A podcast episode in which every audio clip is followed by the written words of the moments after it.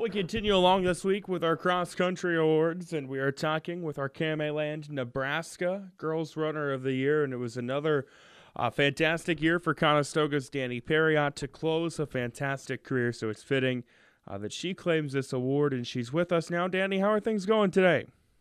They're going great.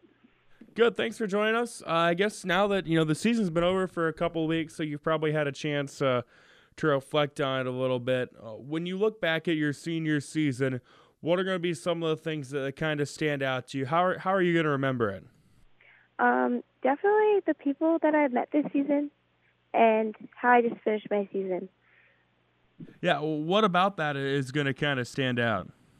Um, well, this season hasn't been my best season, but how I finished it, I'm pretty proud of myself because I was not ranked to be in the top five.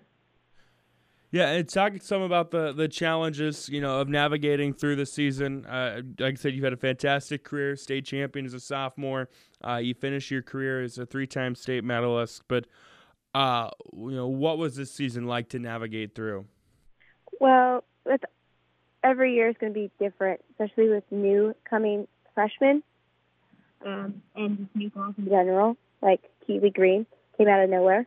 She's an amazing runner, so that was a new challenge for me. Good time with Danie Parriott out of Conestoga, our Land, Nebraska Runner of the Year. Uh, so, where do you feel kind of your strengths were this year? When you look back on this year, years from now, you mentioned being able to kind of overcome some adversity. Uh, but w- you know, what what was the reason for the success your senior year? You feel like? I think just um, um, it being my last season, I knew I had to push my hardest. Yeah, and what's that like? You know, it's kind of the season is winding down, and you know that hey, you know, this is all I've got. Um, it's a little nerve wracking, thinking that I'm this is my last one. You and, up- I and I have college now, so scary things. Yeah, yeah, definitely uh, interesting times, um, but fun times as well. Again, talking with Danie Parriott out of Conestoga. Uh, you are you know, finish your career as a three-time state medalist. Uh, go back to that final state meet. You're able to get back on the medal stand. You know, what was it that clicked for you in that race? Obviously, you had an idea of what to expect having been there the last couple of years, but where do you feel that that your result was kind of made in that race? Um, definitely. So, what my coach has always told me is after the first mile, whatever place you're in is most likely the place you're getting. So, just my goal was to be up in that top pack by that first mile. Yeah, and obviously that worked. You end up taking home fifth uh, in the Class C race. Second straight year that you've done so. And as I mentioned, you were state champion as a sophomore.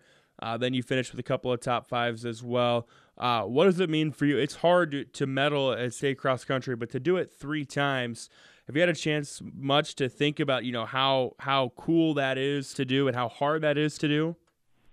Um, yeah, I'm very, very um, happy that I was able to do that because not a lot of people qualify for the state meet in general.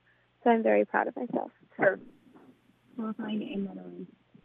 Go back to say your freshman year, and you had a, great showing at state your freshman year as well, finishing it in the 20s. But where do you feel um, from your freshman year to your last race at the state meet that you grew the most as a runner? I think just how I thought of running mentally changed a lot. Because as a freshman, I was like, yeah, I don't really know if this is for me, and I'm just here to have a sport. And then my senior year, I was like, this is this is my thing. I'm good at this, and I'm. Yeah, and how tough is that? Uh, you know, maybe kind of trying to overcome that mental barrier. Uh, that's got to be half the battle, isn't it? Oh yeah, running is a very very mental sport. So if you aren't mentally up for it, it's very hard to do. Again, talking with Danie Parriott out of Conestoga, our Nebraska girls cross country runner of the year. Uh, when you look back on your whole career, you mentioned, uh, you know, obviously the teammates and stuff. Um, but what are some other things that, that you're going to remember? I'm sure, you know, winning a state championship's got to be up there. Oh, for sure. Um, well, winning state as a sophomore, um, my team is a big one, and the people that I met through cross country is one of the things I'll remember most from high school. Yeah, what did what did winning as a sophomore do for you? Uh, obviously, it's exciting, but I'm sure also it probably uh, did, did it bring some pressure up for you as well, uh, knowing that you know coming back as a junior and then coming back as a senior, uh, you were kind of going to have that target. Uh, I mean, it seemed like you answered it really well, being able to to get back up and contend for more championships. But you know, what was kind of the thought process as a sophomore? Um, it for sure put like a big target on my back. My first race back as a junior I dropped out because I wasn't ready for it. Because coming back from a championship season, I was not ready for all of the new freshmen because the sophomore class is very, very talented. Getting time with Danie Parriott out of Conestoga, Land, uh, Nebraska, female runner of the year. Uh, I know it's been a fantastic career for you.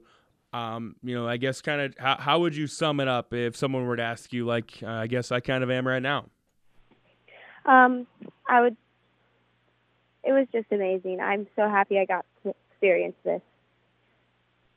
Danie Parriott out of Conestoga, our Nebraska Girls Cross Country Runner of the Year. Uh, Danie, congratulations on a fantastic season and a fantastic career, and uh, take care. Thank you.